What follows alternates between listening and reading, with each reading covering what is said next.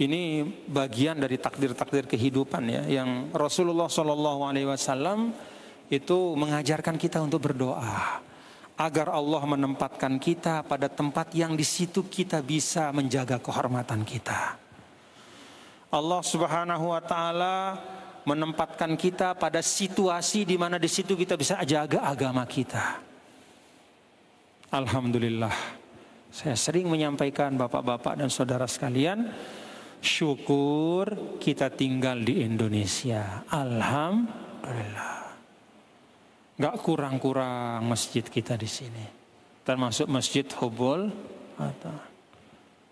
Walaupun tadi saya subuhan, tuh saya di ujung saya subuhan. Alhamdulillah empat saf. Alhamdulillah. Itu safnya berjarak kalau seperti normal mungkin dua saf. Alham, ya tetap alhamdulillah. Artinya apa yang ingin saya sampaikan Bapak-bapak Saudara? Kalau di tempat-tempat yang lain banyak di antara umat Islam itu tidak mendapatkan ruang untuk beribadah. Justru di Indonesia ini banyak ruang beribadah yang tidak menjumpai umat Islam di situ. Mati-matian saudara kita di negara-negara lain itu cari tempat untuk sholat. Dan jangan dibayangkan seperti Masjid Hubul Waton besar di atasnya indah segala.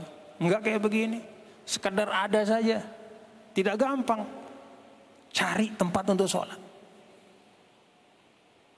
Yang pingin sholat banyak. Mau sholat. Sampai akhirnya sebagian saudara-saudara kita di Jerman, di Perancis, dia beli bekas gereja di sana banyak gereja-gereja yang sudah tidak ada yang pergi. Ya, tidak ada yang pergi sembahyang dalam gereja itu. Akhirnya gereja itu menjadi tempat istilahnya tempat tempat mati lah ya. Terbengkalai, dibeli oleh saudara kita umat Islam, dirubah gereja itu jadi masjid. Kalau kita ke Paris hari Jumat, eh sampai jalan-jalan orang sholat tuh. Masjidnya di mana?